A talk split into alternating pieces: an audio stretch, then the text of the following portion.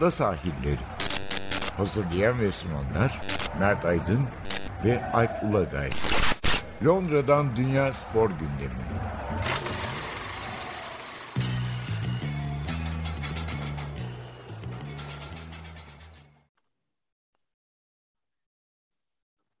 Ada sahillerinden merhabalar. Ben Alp Ulagay. Ben Mert Aydın. Yeni yılın ilk programı diyebiliriz herhalde. Geçen yılı 2021 değerlendirmesiyle bitirmiştik. Yeni yıla da böyle başlayalım. Premier Lig'de ilk yarı değerlendirmesi yapacağız. Yani sezonun tam ortasında gibiyiz. Hatta ya bir yarıyı geçtik ama bir de bir sürü oynanmayan maç var. Toplam maç sayısında yani yarıyı geçmemişizdir. Bir notlarımızı vereceğiz. Bekleni verenler, başarılılar, başarısızlar, ön plana çıkanlar, iyi oyuncular. Onlara bir bakacağız. Aslında sezon başından hani şey diye konuşmuştuk. Üçlü, dörtlü bir yarış olabilir. Hı-hı. Çekişmeli olacak. Hatta sezon başına gerek yok yani. Üç hafta önce herhalde Hı-hı. üçlü yarış 80'li puanlarda olacak şampiyon. Ama birden Manchester City bu Aralık'ta, Aralık'ın ikinci yarısında böyle bir gaza bastı. Ve rakiplerin de tökezlemesiyle beraber farkı biraz açtılar. İşte maç eksikleri de yok. Onlara bakımdan şanslı. Belki Covid-19 ertelemelerinden etkilenmeyen çok az sayı takımdan biri. Yani bir City var, bir Chelsea var. Bildiğim kadarıyla hiç maçı ertelenmeyen. Şanslar o bakımdan. Herkesin en az bir maçı ertelendi. Aşağılara indikçe 3-4 maçı ertelenenler var. Ama gerçekten City'nin yani şöyle bir moral bozduğunu söylemem lazım. bir de yani şey de moral yani çekişmeli lig bekleyen benim gibilerin de moralini söylemem lazım. City'nin. Evet. E, bir de şunu söylemek lazım. Mesela Liverpool açısından daha da büyük sıkıntı. Şu anlamda zaten e, artık Klopp Liverpool'un alameti farikası olan bir ön üçlü var. Hani bunda Firmino oynamadığında artık Jota ekleniyor. Dörtlü diyelim. E, o dörtlünün ikilisi gidecek. Afrika Kupası'na gidecekler. O döneme kadar en azından mümkün olduğunca Manchester City ile başa baş olup hani o dönemi e, o döneme gelindiğinde biraz daha idare edebilmeyi düşünüyorlardı ama o döneme belli ki bayağı geride gelecek girecekler. Tabii Man Mane'nin ve Salah'ın Afrika Kupası'nda milli takımlarıyla nereye kadar tırmanacakları önemli ama hı hı. yani iki iddialı ülke tabii Senegal ve Mısır. Öyle yarı final finale kadar giderlerse işte 6-7 maç demek. Bu herhalde Şubat'ın başını bulacak dönmeleri. Yani tek bir şans var. Ocak ayında biraz fazla kupa maçı var. Evet. Lig ziyade hani bu aralık gibi değil böyle yedilik maçı birden yok. E, lig kupası, federasyon kupası. Yani Chelsea maçını oynadıktan sonra işte bir Brentford ve Crystal Palace maçları var aslında. Hani iki lig maçı kaçıracaklar gibi. Hmm, ama zaten işte ciddi bir fark oluştu. İstersen evet. söyle yapalım. Geçen sene de öyle yapmıştık. Hani bir notlarımızı verelim. Kimler başarılı? Açıkçası böyle hani beşlik herhalde oynayan ligin ortasında aşağıda yukarıda sanki bu aralığın sonundaki performansıyla beraber Manchester City'den başka kimse yok gibi geliyor bana. Hani 5 versem bir onlara veririm. Santrforsuzluğa bile bir çözüm buldu açıkçası Pep Guardiola. Böyle... Hatta bundan hoşlandı. Yani bence sanki santrforsuz olmak e, daha çok işine geldi. Ya daha tehlikeli olmadılar mı? Şöyle bir şey evet, şey oldu çünkü. De, Kimin yani oynadığı belli değil. Evet Rakip... her maç farklı adam oynuyor. Yani e, dün Foden oynadı. E, işte Grealish oynuyor. Evet. Bernardo Silva oynuyor. Yani çok enteresan bir şekilde hoşuna gidiyor. Yani e, ben ben sana söyleyeyim Santrfor olmadığı için mutlu bence şu anda. Tabii başta bir rodajı oldu sistemin. Böyle bir 5-6 hafta aslında bocaladılar. Yani orada Hı. kimi oynatsa bir türlü bulamıyor. Aslında Jesus oranın oyuncusu ama öyle golcü bir oyuncu değil. Biraz bocaladılar gerçekten. Ama sonra böyle oyuncu değiştirerek hani bir rakip takımlar için önlem almaya imkan yok. Kimin oynayacağını bilmiyorsunuz çünkü maç başlayana evet. kadar. Evet. Evet. Bu, orada çok maç bir şey var. değişiklik oluyor. Evet. Orada o... çok ilginç bir şey var. Ee, onu söyleyeyim. Hani tartışmayı için daha da farklı bir yere getirmek için. Ee, önceki gün e, şeyde Amazon'da tartışıyorlardı. Bence ilginç bir konu. Mesela Grealish hani hepimiz dedik ya niye aldın bu adam? Grealish arada oynamadığı da oluyor. Ee, yani Grealish inanılmaz derece ne bileyim Bernardo Silva ya da e, Foden kadar etkili de değil. Bazı maçlarda bir şeyler yapıyor ama ama diğer taraftan şey de değil. Yani geçen gün onu konuşuyorlardı. Ee, Alan Shearer, e, Nigel de Jong. Şöyle de demiyoruz ama. Abi Grealish de geldi, kayboldu, gitti. Öyle de bir durum yok. Yani çok enteresan bir e, durumu var Grealish'in.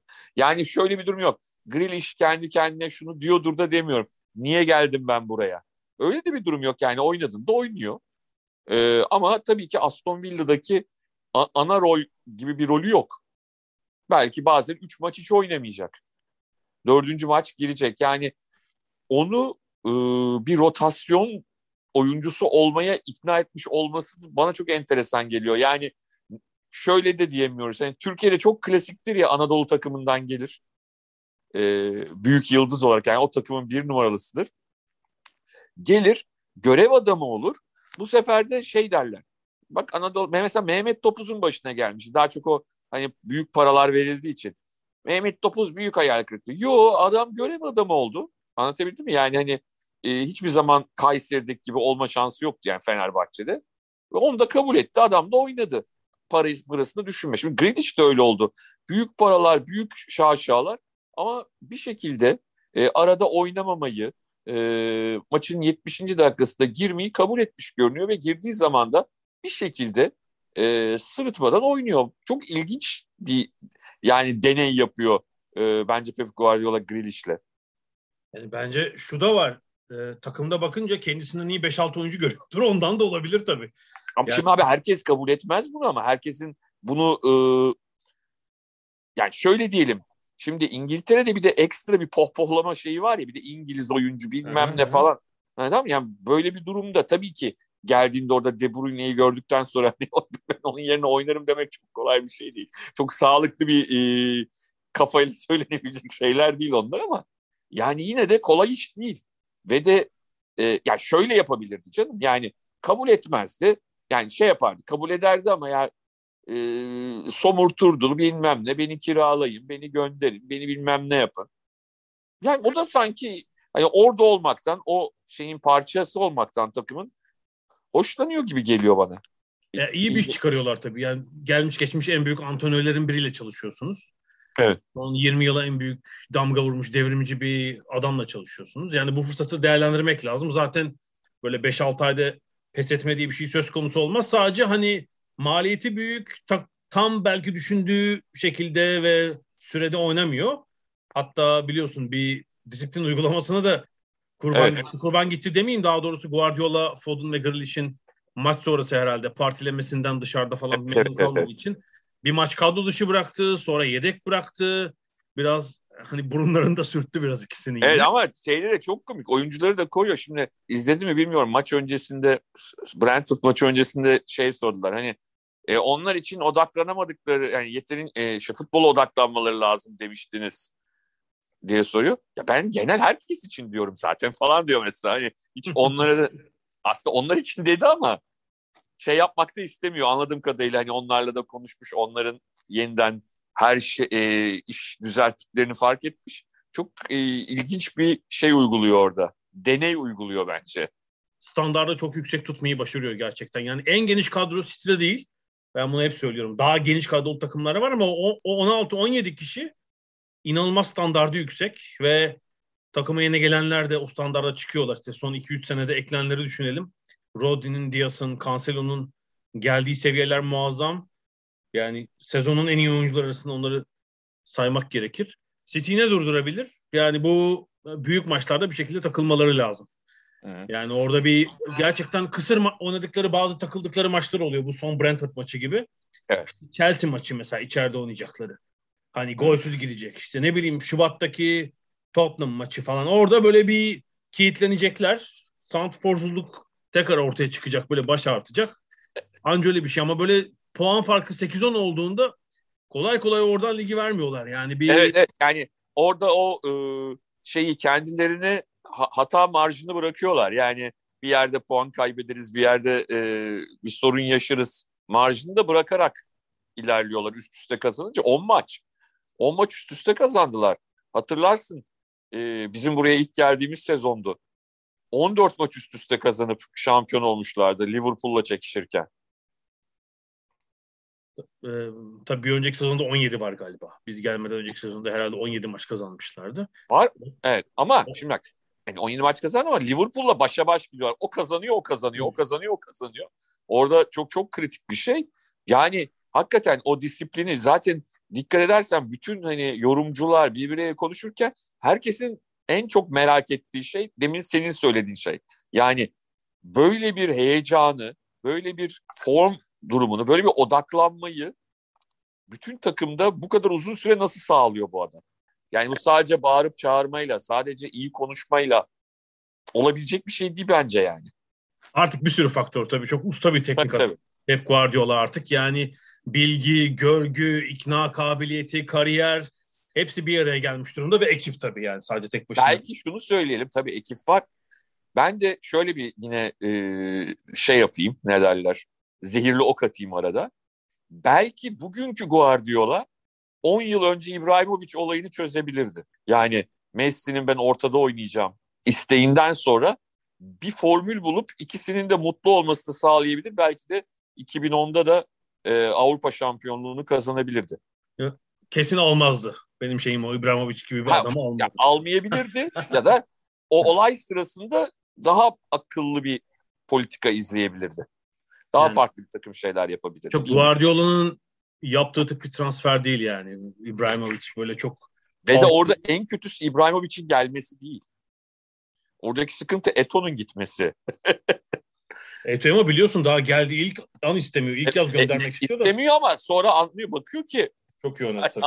adam önemli. Yani çünkü Eto e, yani tamam İbrahimovic'in klasına, kalitesine hiçbirimiz itiraz edemeyiz ama Eto daha kullanışlı bir oyuncu. Daha büyük takım oyuncusu. Zaten Avrupa şampiyonluklarını o alırken İbrahimovic seyretti. Evet yani Eto kullanış şu anlamda kullanış. Yani Eto'ya sen sağda oyna de sağda oynar. Sen sola deplase ol de sola deplase olur. Yani ille inatçı e, e, şey yapmaz olması yani ne oynaması gerekiyorsa e, oynar. Yani şey, şu andaki aklı 10 yıl önce olsaydı o tecrübe aslında hepimiz bunu deriz ya gençken şöyle olsaydı böyle olsaydı. Orada ben biraz daha farklı davranacağını düşünüyorum. Her ikisinde de yani İbrahimovic'i almış olsaydı bile daha politik, diplomatik e, bir takım şeyler yapabilirdi, hamleler yapabilirdi diye düşünüyorum. Doğrusu City benden 5 üzerinden bu ilk ligin ilk yarısında 5 alan tek takım. Aşağıdakilerden, ortadakilerden de böyle çok kapasitesinin üstüne çıkan bir takım açıkçası göremiyorum. Yani yeni çıkanlardan da yani ikisi kötü zaten. Brentford idare ediyor hani belli kaynakları. Ee, yani benim 4 verebileceğim 3 takım var. Liverpool her şeye karşın şu sonunda açılan farka rağmen hani iyi bir ilk yarı geçirdiler. West Ham bence kesinlikle. Ee, bir de Arsenal yani Evet sezonun- ben de diyecektim. Ben de Arsenal'i demesen e, kavga çıkaracaktım. Mert Aydın'la Alp Ulagay Arsenal yüzünden birbirine girdi falan diye. Ya Arsenal ilk, ilk üç hafta biliyorsun gol atamadılar. 9 gol yediler galiba. 0 puan. Ondan sonraki 16 haftada 16 maçta 35 puan ve 32 atıp 12 yemişler. Wenger gittiğinden bu yanaki en iyi dönemlerinden birini yaşıyorlar. Belki de en iyi dönemlerini bilmiyorum istatistik olarak Emery döneminde böyle bir şey yaşadılar mı ama şeyin Arteta dönemindeki en iyi dönem olduğu kesin ama Emery e, şimdi bir anda ilk geldiğinde neler oldu tam hatırlayamadım. Ama böyle bir şey yaptıklarını düşünmüyorum orada da. Ee, Aslında ilk yarı daha fazla puan toplamışlar Emery ile. Ama o zaman biliyorsun hala bir beklenti daha yüksekti Arsenal'la ilgili. Ya hala kadroda bir takım yıldızlar vardı Tabii. falan. Tabii. Şimdi yani ligin Premier Lig'in en genç takımı 24,5 yaş ortalamayla hatta bu Aubameyang'ın falan kadro dışı kalmasıyla belki ortalama biraz daha da düşmüştür son haftalarda. Yani Evet. iler- ileride Lacazette dışında işte Ödegaard, Saka, Martinelli, Smith Rowe falan gibi 19, 20, 21 yaşında çocuklar oynuyor. Kariyerlerinin iyi bölümüne belki daha 2-3 sene var. E, geri geri dörtlüde, geride oynayanlar da genç. Yani Arsenal'da şu oldu. Bir iki o sezonun ilk üç haftasında Ben White'la Gabriel sanıyorum sakatlardı. İlk üç hafta yoktu onlar. Onların onların gelmesi savunmanın görünümünü tamamen değiştirdi. Bir de ilerideki gençlerden verim almaya başladılar. Onlar da evet. büyük keyif alarak oynuyorlar açıkçası. Bu oyunu. Yani bugün evet yani sakasından so, e, oyuna girdiği zaman Ketiyah'ı, Tierney'si bunların hepsi e, çok önemli bir değer haline gelmeye başladılar. Smith Rowe'u, Odegaard'ı hakikaten çok hakikaten çok değerli bir takım haline e, gelmeye başladılar ve e, şaka maka önce espri yapıyorduk. İşte Arsenal ha iyi falan. Herkes dalga geçiyordu ama yavaş yavaş e, işler iyi gitmeye başladı. Ama tabii tabii ki Arsenal'in genel tarihine baktığımızda ya da son hani Premier Lig'deki Arsenal'e baktığımızda tabii ki o en parlak dönemlerdeki Arsenal'in hala çok uzandalar. E, ona ulaşmak da çok basit değil. O zamanlar hani hep konuşuyoruz iki kutuplu bir Premier Lig vardı. E, Manchester United ve Arsenal'den oluşan. E, şimdi çok farklı bir e, dünyadayız. Premier Lig'deyiz. O yüzden e, bunda kesinlikle takdir etmekte fayda var. E, şu anda Arteta'nın yaptıklarını çok e, net bir şekilde bunu söylememiz lazım diye düşünüyorum. BBC'de Fever Pitch'i izledin mi? Dört bölümlük belgeseli. Premier Yok izle, ya izleyeceğim de daha Evet. Böyle Burada oturup... herhalde yani ben tabii sonra BBC'nin iPlayer platformundan izledim ben de yayınlandığı gün televizyondan değil de dört bölümlük Premier Lig'in kuruluş yılı bir belgesel yayınlandı. 1992 ile 99 arasında anlatıyor açıkçası. Tabii son bölüm, dördüncü bölümde Arsenal'ın Arsene Wenger'le çıkışı ve United'a rakip olması falan o da o dönemde var yani. İkinci sezon önce Arsene Who diyorlar. evet. Mattak yani soyunma odasında oyuncular bile kim bu adam demiş. Sonra tabii ne büyük bir etki yaptığını hem Arsenal'da hem Premier Lig'de. Bu arada unutmadan Arsenal ile ilgili bir şey söyleyeyim. Bunu kimin söylediğini hatırlamıyorum. Alan Shearer'dı demiş olabilir ama başka bir yorumcu da demiş olabilir. Sen e, duyduysan sen de e, hatırlayabilirsin belki. Biri çok güzel bir laf etti. Dedi ki Aubameyang gittikten sonra hani her şey iyi gidiyor ya Aubameyang yokken de gayet takım takır takır oynuyor. Burada genç oyuncuların Arteta'ya verdikleri olumlu yanıt yani yaptığını destekliyoruz mesajı çok önemli dediler. Yani sonuçta Aubameyang önemli bir oyuncu. Bu takımın kaptanı. Ee, Birçok oyuncu üzerinde etkisi olan bir futbolcu. Ee, ve disiplin nedeniyle kadro dışı bırakılıyor. Buna e, bunu haksız bulsalardı bunu doğru bir hamle olarak bulmasalardı bu performansı da bu oyuncular gösteremezlerdi, göstermezlerdi. Bu ya bence benim bir, bir iki önemli. podcast'te dinlediğim mesele bir Aubameyang böyle sağ dışında soyunma odasında falan lider bir oyuncu değil. Birincisi yani takım kaptanı ama böyle hani bir lider kişilik değil. İkincisi yani gençlere örnek olması gerekirken kötü örnek olan birisi. Tabii tabii. Zaten Geçen biliyorsun Tottenham evet. maçına maça geç kaldı adam. Trafik evet. falan var diye. Yani bu sefer de evet. annemi Fransa'ya annemi almaya gidiyorum deyip Covid protokollerine aykırı hareket ediyor falan hmm. yani hani yap, yapması ne gereken varsa tersi yönde davranmış. Evet evet ama işte menajer orada e, mesela bu, böyle değil de başka bir neden olsa ve haksız bir karar vermiş olsa bu oyuncular böyle bir şeyde vermezler kendisine. Hani o haksız kararın ileride kendilerine de verilebileceğini düşünürler. Burada çok çok doğru bir e, olumlu bir dönüş oldu. Yani Şimdi ilk başta çok Arteta'yı anlamakta güçlük çektik ama sonuçta e, Arteta dediğimiz adam çok önemli. Hani iyi bir Premier Lig kariyeri var. Onun dışında da Guardiola ile çok önemli bir dönem beraber çalıştı. Sadece futbol taktikleri, futbol analizi, teknik direktörlük falan ayrı bir mesele ama idarecilik konusunda da bence çok önemli bir gelişim gösterdi. Çok doğru ve cesur bir kararı doğru bir zamanda verdi. Yani takım tam rayına oturmuşken böyle bir e, konuda belki yumuşak davranmış olsa başına başka işler açabilirdi. Evet şimdi elinde bir kredisi var. Yani bu sezon sezon sonu dördüncülükte yer alırsa zaten ekstra olacak ama 4-5-6 bu yerler Arteta'nın hmm. kredisinin devam etmesini sağlayacak ve proje ilerleyecek. Göreceğiz. West Ham da tabii bence elindeki kaynaklarla iyi iş çıkardı. Özellikle Chelsea ve Liverpool maçları ekstraydı. Evet. Çok iyi maç oynadılar. Onların tabii bir kadro derinliği sıkıntısı var. Yani devreyi kapatırken geri üçlünün üç oyuncusu da yok. Biri sezonu kapattı. Ogbonna. Zuma ile Creswell'da sakatlıkları var. Yani yedeklerle oynuyorlar. Ona rağmen beşinciliğe tutundular. E, ikinci yarıda uzun bir ikinci yarı var. Yani Arsenal aralarında ciddi bir çekişme olabilir. Ben West Ham'ı da ve David Moyes'u da daha önce konuşmuştuk zaten. Başarılı görüyorum. Yani onlar da 5 üzerinden 4'ü hak eder bence. Bilmiyorum başka 4 bir sürü ben böyle 3 Ya şu var. Birkaç hafta öncesine Hı. kadar belki 3 hafta önce ligin ilk yarısı bitmiş olsa kesin olarak şeyi söylerdik herhalde. Chelsea'yi söylerdik.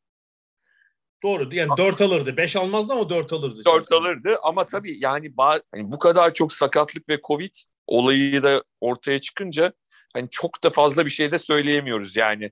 Yapacak bir şey yok. Hani 4 vermiyoruz ama en azından 4'ü hak edebilirdi bu kadar çok sakatlık ve hastalık olmasaydı diyebiliriz belki. Yani bence Chelsea gibi ligin en geniş kadrosuna sahip takım için çok da büyük bahane değil yani. Şimdi e, bu 20. haftanın işte berabere kaldıkları Brighton maçında yedeklere bakıyorum. Alonso, Chaloba, Kantes, Saul, Ross Barkley, Ziyech, Havertz böyle bir yedek kulübesi var yani. Ama işte çok çalışamıyorlar onlarla beraber anladığım kadarıyla. Yani o sakatlıklar ve hastalıklardan biraz. Ya ben şey olsun diye bahane olsun diye söylemiyorum ama tamam kadroları da çok geniş ama işte o birlikte çalışma meselesi biraz sıkıntı verici olabilir. Ama şey için bahane olmaz yani. Brighton'ı yenememek için bir bahane olmaz. Ona katılıyorum. Çok tökezlediler devre sonunda. İşte o West Ham maçı zaten bir göstergeydi yani. Böyle bir öndeyken kaybettikleri maç evet. gerçekten moral bozucu oldu, ben, oldu onlar açısından. İşte sonra da Everton, Wolves ve Brighton beraberlikleri Chelsea'yi geriye attı. Yani Lukaku'yu bir türlü zaten sakatlık ve uyum Hı-hı. sebebiyle kadroya gerektiği gibi monte edemediler. Sonra Kovacic'in ve Kante'nin de uzun süre oynamaması bence bunda rol oynadı ve yani olması gereken noktanın aşağısında Chelsea öyle düşünüyorum. Başka yani böyle 3 alan grupta bence Tottenham var. Conte'le biraz çıkış yaptılar. Yani evet. çıktılar bence. Onun dışında Wolves, Crystal Palace, e, Brighton ve Southampton'ı ben sayarım. E, evet. Yani evet, evet, evet. Yani, yani en azından iki buçuktan olurlar. Yani en kötü. iki buçuktan üç alırlar. Yani e, öyle söyleyebiliriz. Evet, evet. Ya, ya. Brentford'u da sayabiliriz aslında ya. Yani şu anlamda eldeki kadro şey yani şöyle diyeyim ben. E, evet evet Brentford'a doğru. Haklısın. Yani Brentford Norwich'ten çok daha mı iyi bir takım abi oyuncu kadrosu açısından? Tam Yok, daha, kötü, daha kötü kadro var bence Brentford. E, yani onu anlatmaya çalışıyorum. Evet. Yani aradaki farkı görebiliyoruz yani. Ama birinin e, de doğru bir organizasyon diyelim. Sadece hoca üzerinden görmüyorum ben Brentford'u. Biraz da e, semtimizin şey ilçemizin takımı diye şey de yapmayalım ne derler. Biraz da şey koyalım ne derler. Kayıralım diyorsun değil mi? Kayıralım tabii ki Brentford'umuzu. E, ama çok hoş bir atmosfer oluşturdular statta. Yani herkesin gitmeye can attığı bir deplasman oldu. Yani rakip takımlar bile o, o seyirci grubuna, o tribünlere e, maç oynamayı istiyor. A, e, dün Alan Shearer da bugün çok bahsettim beni almış şey olmuştur herhalde. E, maçtan önce şey dedi yani bugün Manchester City'yi yenmeleri gibi bir fik, e, beklentim yok. Ama şu ana kadar işte 24-25 puan aldılar. E bir 15 puan daha alsalar ikinci yarıda rahat rahat ligde kalırlar. Çünkü alt taraftakiler o kadar e, zor puan topluyor, o kadar zor e, maç kazanıyor ki fazla problem yaşamadan bir şekilde bu sezonu kötü bile geçse ikinci dönem ikinci yarısı ligi hallederler dedi. Ama yani genç ve Premier Lig seviyesinde sıradan bir kadroyla iyi iş yaptıklarını çok rahatlıkla söyleyebiliriz. Yok orası öyle kesinlikle yani onu. Tabii Graham Potter'ı da bu arada Brighton'da. Bazen Brighton taraftarlarını çözemediğim bir şekilde Graham Potter 2-3 maç kaybedince gitsin falan diyorlar ama yani kaşınıyorlar diyorum ben de onlara. Yani başka hiçbir şey söylemiyorum. Yok, Brighton'da sıkıntı, sıkıntı biraz az maç kazanıyorlar yani. 18 evet. maçta 5 galibiyetleri var devre biterken ama sadece 4 yenilgileri var. Yani Brighton'da tabii, tabii. Az yenilen 3 takım tepedekiler zaten. Onların evet. sıkıntısı biraz geçen sene de vardı. O beraberlikleri evet. galibiyete dönüştürememeleri. İşte son... Ama yani yani şu anda Brighton'dan da ilk 6 ilk 8 bekleyen de yani taş olur. Ne diyeyim ben diyeceğim bir şey yok. tamam yani tabii ki e, seyirci eleştirisini, taraftar eleştirisini yapar. İtirazım yok buna yani.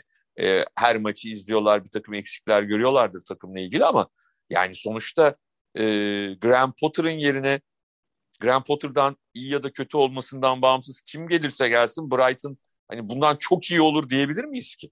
Yok elde kaynak belli. Yani iki galibiyet fazla alırdı mesela. 28 ha, yani işte o. iki beraberliği belki galibiyete çevirirlerdi evet. yani. Bir şey olurdu da yani. Yani işte Potter'la da son dakikalarda kurtardıkları puanlar var. Bir sürü böyle durum var. Yani bence böyle işte orta not alan bir 4-5 takımlık gruptan da söz edebiliriz.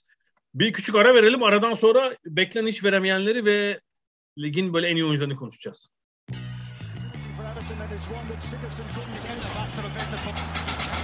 Ada sahilleri. Londra'dan Dünya Spor Gündemi.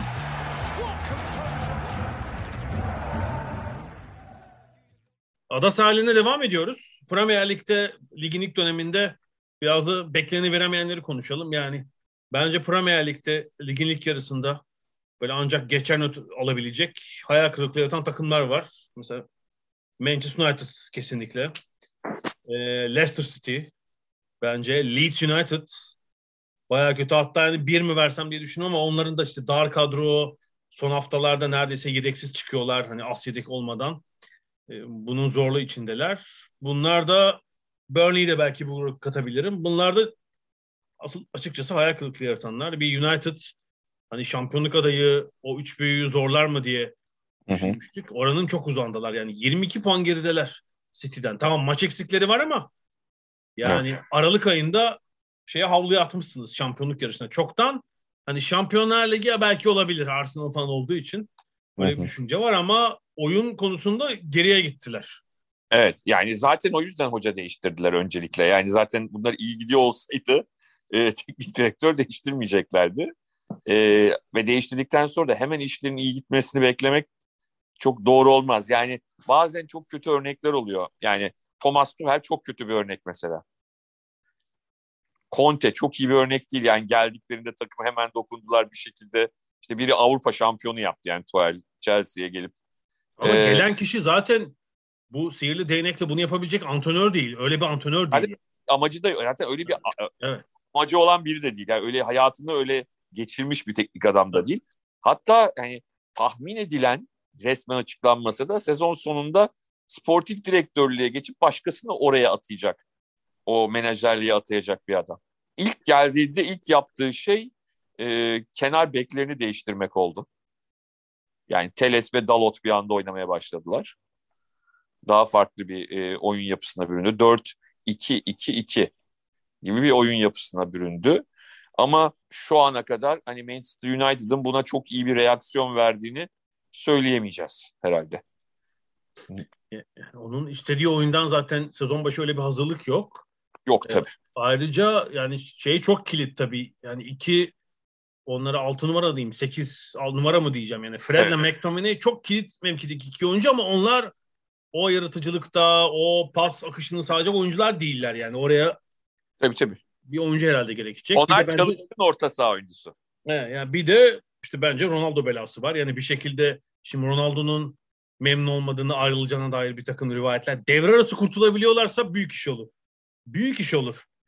Yoksa sezon sonu bir şekilde onun o takımı baskı altına alan halinden tavrından kurtulmaları lazım. Yani Ronaldo ve Messi bugün artık yönetilemez iki oyuncu. Yani onlar kulüplerden daha büyükler. Bunu daha önce de söylemiştim. Mümkün değil. Onlardan bu yaşta artık eski faydayı alabilmek hatta zarar oluyor işte. E, eski güçlerinde değiller. Tabii ki gol atacak gelince. Olağanüstü oyuncular bunlar yani. Bir şekilde mutlaka golünü atar ama o, takımın genel Aynen. havasını ve oyun disiplinini bozan oyuncular bunlar. Tabii şöyle düşünelim. Bundan 20 yıl sonra Ronaldo ve Messi böyle veteranlar maçına çıksın yine muhteşem goller atarlar. Yani adamlar yani o artık hani doğal onlar için. Ama sorun o değil. Sorun o değil. Bilmiyorum Rannik bunu hazırlayabilecek mi? Bir de tabii tamam şampiyonluk yarışı yok ama iyi kötü bir dördüncülük hedefi var. Var ve de Chelsea ve Liverpool'un tökezlemesi aslında üçüncülüğü bile açık hedef haline getirebilir.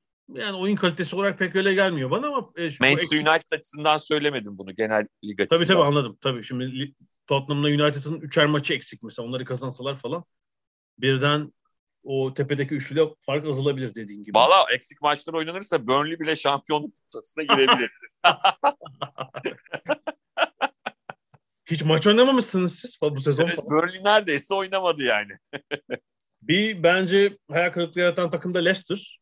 Geçen iki sezonu müthiş geçirmişlerdi. Son hafta Şampiyonlar Ligi'ni kaçırmışlardı. Geçen Mayıs'ta FA Cup'ı kazandılar ama bu yani genel o disiplinin, oyun kalitesinin kaybolduğu bir Leicester izledik. 33 gol yediler.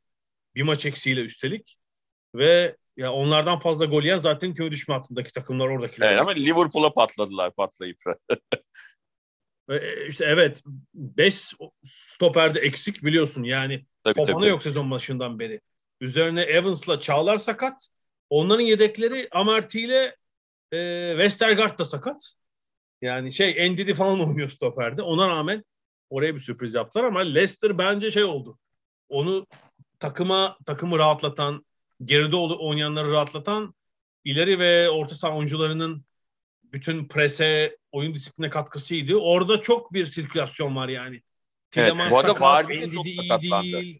Evet. Vardy arada o sakatlandı. Ya yani oradaki düzen bozuldu ve şeyi de etkiliyor. Takım çok fazla pozisyon görüyor kalesinde. Doğru. Leicester'ı bayağı geçen sezonların altına indirdi. Herhalde geçen sezon 38 falan toplamışlar. 38 Doğru. puan. Ben sana şunu söyleyeyim. Daha da ileri gidip yani Schmeichel değil bir alt kademe bir alt seviye kalecileri olsa e, daha da altta olabilirlerdi. Evet yani Liverpool maçı gibi örneklerde tabii Schmeichel'ın var yani hani sonuçta var. adam e, çok üst düzey bir kaleci hani bazı puan kazandıkları maçlarda ya da daha farklı yenilip morallerinin tam çökecekleri maçlarda e, önemli katkılar yaptı. Yani e, orada en azından bir şekilde işi döndürdüler. Bir de hani başından beri söylüyorum Leeds için, Leicester için en büyük avantaj Brentford için altta o kadar çok kötü takım var ki. Yani bunlar bu kötü halleriyle bile küme düşme tehlikesinin çok uzandalar. Çok enteresan yani. Leeds çok uzanda değil ama yani e, bence en büyük şansları bu. Yok Leicester mesela sakatları falan dönerse belki yine işte çok uzak değil işte öyle 6-7 biraz daha yukarıda göreceğiz yani onları ama tabii, tabii, belki de. Evet. iyi değil. Liste tabii büyük ayak kırıklığı. Yani ligde belki kalacaklardır bu sene ama sanki Bielsa döneminin sonuna geliyoruz. Yani dördüncü sezonu zaten. Hani Bielsa için bence sıra dışı bir durum. Tabii tabii. Yani bir bence herkes onun bu adam adama markaj falan bu sistemini tamamen çözdü artık. Ve ona göre oynuyorlar. Yani herkes oyuncuların yerini değiştirip sistemi çözüyor. İkincisi tabii belki bu hastalıklar, sakatlıklar bundan en ağır etkilenen takımlardan biri. Elde gerçekten oyuncu yok. Çoluk çocuk oynuyor. Hı-hı. 15 yaşındaki çocuk yedekte falan. Ee, büyük hayal kırıklığı oldu. En büyük sıkıntı tabii Forvet'te. Benford'un yokluğunda evet, evet, evet, bulamadılar. Geçen sene 62 gol atmışlardı düşün. Sezon evet. boyunca. Bu sene devreyi 18 golle bitirdiler. Tabii Benford sadece atmıyordu zaten. Yani orada çok çok önemli bir iş görüyordu. Asistleri vardı, e, oyunun oynanmasına, o ön taraftaki e, oyuna büyük katkısı vardı. O gerçekten çok çok büyük bir kayıp. Öyle. Ben Burnley'i de buraya aldım. Yani kapasitesi ölçüsünde. Sadece Hı-hı. tek galibiyeti var ama maç eksiklerini ve kapasiteyi göze alarak onlara iki verdim. Yani çok başarısız da dört takım buluyorum açıkçası. Bunlar biri Everton. Diğerleri de Watford, Newcastle ve Norwich. Hani bunlar iyi yönetilmiyor, kötü oynuyor bu takımlar. Gelin itibariyle çok başarısızlar. Yani Everton'un da bulunduğu yer gerçekten skandal diyebiliriz. Bir şekilde geçmiş senelerde yaptıkları transferler sebebiyle Premier Lig'in fair play kurallarına takıldılar. Ve yeni transfer yapamıyorlar pek. Benitez'in de orada eli kolu bağlı. Ee, ama işte sportif direktör gitti. Ee, sonuçlar iyi değil. Yani o ilk 4-5 haftadan sonra baş aşağı gittiler. Yani herhalde ligde kalırlar diye düşünüyorum ama Bence de kalırlar ama yani Everton nerede olmayı hedefliyordu? Evet. Bence West Ham'ın yerinde şu anda mesela değil mi? Yani. Tabii tabii tabii. Geçen yıl o Ancelotti ile ligi bir iyi başlamışlar diye böyle bir herkes heyecanlanmıştı acaba evet. falan diye ama e, sonrasında Ancelotti de zaten Real Madrid'den teklif gelince bence o orada da Everton'da da işlerin pek rayında gitmeyeceğinin farkındaydı. Hemen Tabii tabii tam büyük uyanıklıkla. yani kendi Real'den hani Everton iyi olsaydı da giderdi muhtemelen. Çünkü sonuçta Real Madrid'den teklif gelince e, Everton Everton kalmaz ortada da. Ama bence şeyin de farkındaydı Ancelotti. Yani işlerin iyi gitmediğinin farkındaydı kulübün içinde. E, o da oradan gitti. Evet Everton için sıkıntılı. Yani Rafa belki de sezon sonuna kalmadan da ayrılabilir. Belli mi olur? İşte böyle 16. 17. ligde falan olurlarsa işte sezonun son haftasına evet. 10 haftasına yaklaşırken gerçekten olabilir. Aston Villa de bilmiyorum. 2.5'tan Aston Villa evet. Bence tam hmm. Gerrard öncesi 1 1.5 1.5 Gerrard sonrası da iki buçuk diyebiliriz herhalde. Belki iki olur. Yani o o, o gelmeden önce Dean Smith kovalana kadar 5 hafta falan kötülerdi. Evet. Yani Gerrard'la tabii sonuç alıyorlar ama oyunları çok katır kutur ya. E çok şu anda bir anda yani şey yapmamak lazım. Sonuç alıyor şu anda. Evet. Onun için nokta Aston Villa'yı şeye çıkarmaktı. E, düzlüğe çıkarmaktı ki e, şu anda onu başardı. Yani bundan sonra Aston Villa arada bir bile maç kazansa ligde kalır. Hı. Öyle. Evet, başa, en, baş, en başarısında ne dedik? Newcastle tabii çok sahip değiştirdiler ama hani kötü yönetilmiş bir kulüp. Onun mirasını tabii şu an taşımakta zorlanıyorlar. Bilmiyorum transfer hamlesiyle belki öncelikte kalacaklar. Watford zaten sürekli böyle antrenör devir daimi olan bir takım. Herhalde o Everton ve Manchester United galibiyetleri iki mucize galibiyeti hariç pek bir şey yok elde. İyi yani olan zavallı Solskjaer oldu zaten işte. evet. Norwich'te maalesef sempatik bir kulüp ama asansör takımı yani bu Premier Lig'in öyle gözüküyor. Ya seneye de Fulham gelir, Norwich düşer. Sonra öbür yıl yine Norwich çıkar, Fulham düşer. Peki e, bir de istiyorsan böyle ön plana çıkan birkaç oyuncuyu konuşup bitirelim. Hı hı. Açıkçası Mo Salah müthişti. Belki son evet. bu bir iki haftaya kadar sezonun en iyilerinden biriydi. Zaten en skorer oyuncu açık ara. 15 golü var. 9 asisti var. Yani 24 gole doğrudan katkı yapmış. İki tane muazzam gol attı değil mi? Bir de bir biri Watford'da öbürü City'ydi galiba o goller. Acayip. Evet, ya aynı gol aynı golü bir e, dünya çapında savunmacılarla olan rakibi attı. Birine daha zayıf bir takıma attı ama ikisine de benzer golü attı. Yani bir biri, şey... biri sağla biri solla değil mi? Farklı evet, evet. Yani evet. City'ye atsana falan deseler attı yani. evet öyle. Bir isim daha bence Bernardo Silva muazzam bir ilk yarı geçirdi. Yüzde yüz, yüzde yüz. City'de yani skora katkısı bir yana ki birkaç tane çok şık gol attı. İnanılmaz bir form yakaladı ve yani bugünün işte Guardiola futbolunun bence Klopp futbolu da öyle. Yani onun prototip 8 numarası yani. E, oyunun her iki yönünü de çok iyi oynayan yani top kapma, top kesme, pres hepsinde var ama hücumda da inanılmaz iyi. Yani attığı goller zaten bunun göstergesi. Çok iyi pasör, çok iyi adam geçiyor. Üst üste 3 kişi geçer. Sahte 9 oynar. Sağ ya kenar oynar. Yoklukta sahte 9 oynar. Bence muazzam bir örnek bu açıdan. Bernardo. Yani. hatırlarsan ilk geldiğinde bir bocalama dönemi geçirmişti.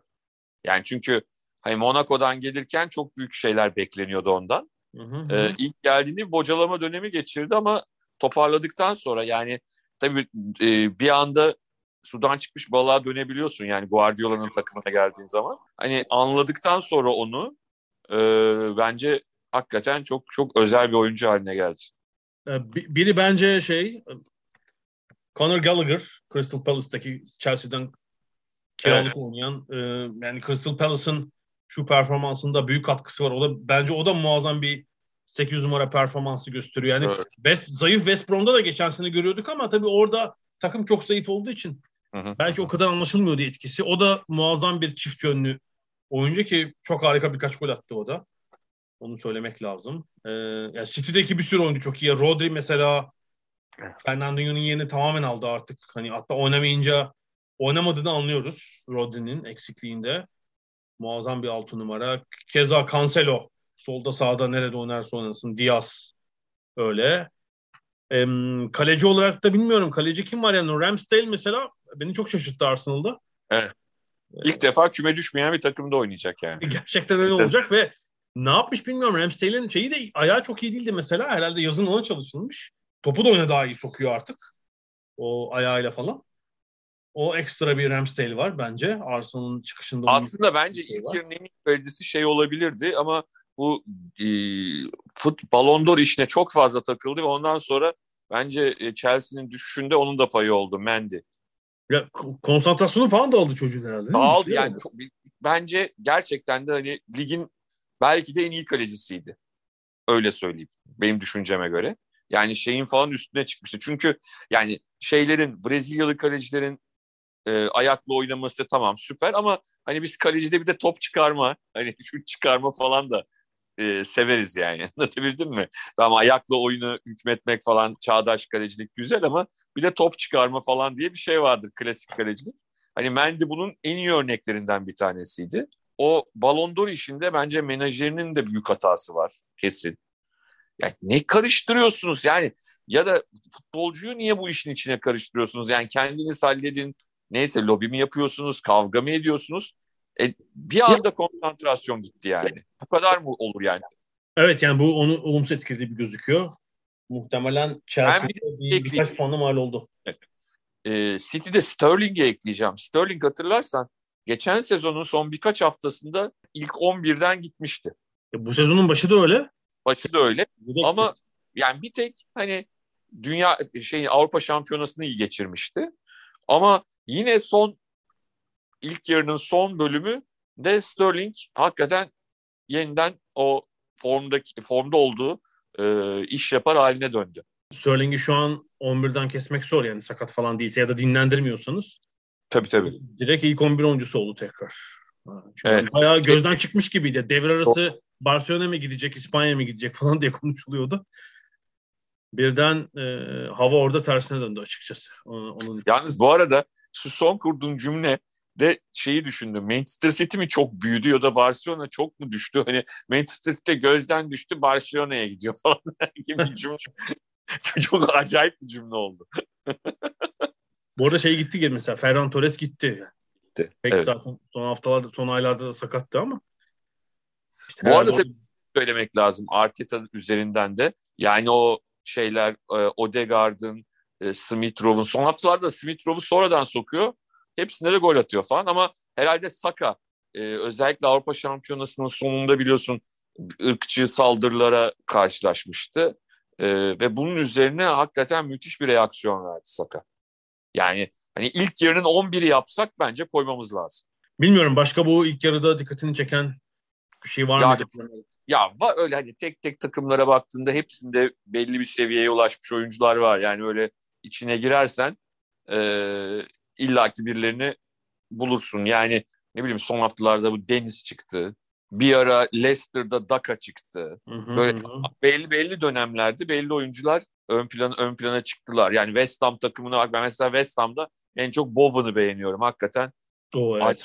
bir adam. Evet. Yani şey gibi biraz kayta da benzetiyorum bazı hallerini. Tabii e, altyapı şeyi e, eğitimi kayıt gibi olmadığı için biraz daha bir dangıl dungulluğu var ama enerjik sahanın içinde hani hem hücum yönünde hem savunma yönünde çok etkili, çok hızlı, çok dinamik. O geçiş oyununda e, West Ham'ın bütün o şeyini ne derler e, başarısının bence en önemli isimlerinden bir tanesi. Bowen da bence ilk yarının önemli adamlarından bir tanesiydi.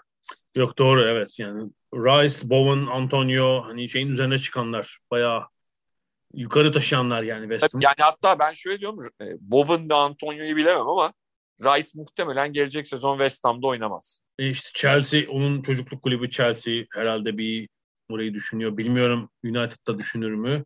E, iyi bir paraya gider. Evet. İyi bir paraya. Büyük bir transfer pazarlığı olacak herhalde. Ben en son şunu söyleyeyim bu son haftalardaki şey benim biraz fazla canımı sıktı. Biraz artık bu sakatlıklar falan da oldu. Biraz fazla hakem bahaneciliğe alışmadığımız ölçüde fazla E, hakem var falan yani bu bahaneleri çok bence sığınılıyor yine. İşte var golümüzü vermedi. O penaltıydı, menaltıydı. Çok oldu son 5-6 hafta. Hı hı. Ben çok Premier Lig'de alıştığım bir şey değil. Bu hoşuma gitmiyor. İşte ne bileyim ne bile oldu. Liverpool Aston Villa maçında Steven Gerrard diyor ki işte Liverpool'un penaltısını verdi, bizimkini vermedi. Yani katır kutur zaten berbat bir oyun oynamışlar o gün. Bahsettiği pozisyonda da kaleci Alisson topa değmiş yani doğru izlemeden ona sığınıyor. İşte sonra ne oldu? Chelsea Tuhel. O işte bizim penaltımız verilmedi ondan. Son dakikada golü yemesen de. Yani bir fazla hakem şey oldu bence. Bu şikayeti, veryansını... Biraz bu şeyle de ilgili olabilir mi? Yani şu anda teknik direktörler çünkü e, İngiltere'de tekrar söyleyelim kulüplerin yöneticileri ya da kulüp web siteleri bizdeki gibi edebi e, hakem saldırıları falan yapmıyor. Ağlama duvarı değil. Değil. Burada e, gerçekten maçtan sonra futbolun içindeki adamlar do haklı ya da haksız hakemle ilgili konuşuyorlar. Doğrusu da bu bence. Bence biraz teknik direktörler bu Covid meselesinden dolayı kendilerini çok çaresiz hissediyorlar. Ve bir yerden şey yapmak istiyorlar ne derler. Bir yere bahane bulmaya çalışıyorlar o yüzden. Yani biraz sanki psikolojik olarak kendilerine büyük bir haksızlık yapıldığını düşünüyorlar. Ama yani bu haksızlığı hakemler yapmıyor ama onların üzerinden görüyorlar bence işi. Biraz bir çaresizlik hissi var. Ee, özellikle Covid'den oyuncuları çok fazla hastalanan teknik adamlar. Şurada da oldu mesela. Sadece Covid değil, kulüp falan da yine bu takvim, Hiç oyuncu değişikliği. Ya bunu me- medya önünde, kamuoyunda değil, yöneticilerinize söyleyeceksiniz. Zaten Premier Lig'in kulüpleri karar vermiş bütün bunlara. Takvim, burada maç oynansın. Böyle, hani Premier Lig diye bir yapı kendi başına karar vermiyor ki. 20 takım bir araya geliyor. Deniyor ki işte 26 Aralık Boxing Day maç olacak. Tam iki gün sonra resmi tatil. O güne de maç. Şey karar veriyor yani. Kendi yöneticisiyle konuşun onu. Doğru. Tabii e, dediğin gibi biraz bu işte Covid, maç takvimi, sakatlıklar, belki istediklerini yapamamaları payı var açıkçası bunda.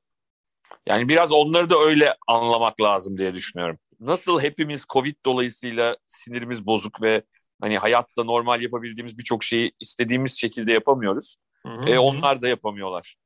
Biraz e, onun verdiği bir hafif tırlatma durumu var. Galiba çok güzel tarif ettin. Peki tamam sezon ortası Premier Lig bölümümüzü değerlendirmesini de böylece bitirelim. O zaman hepinize iyi yıllar diliyorum ve gelecek haftaya kadar görüşmek üzere diyorum. Hoşçakalın. Mutlu yıllar, görüşmek üzere.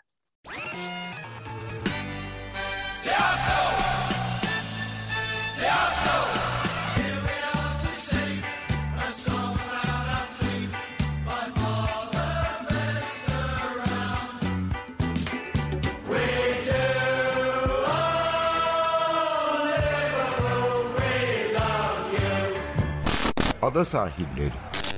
Hazırlayan ve sunanlar Mert Aydın ve Alp Ulagay. Londra'dan Dünya Spor Gündemi.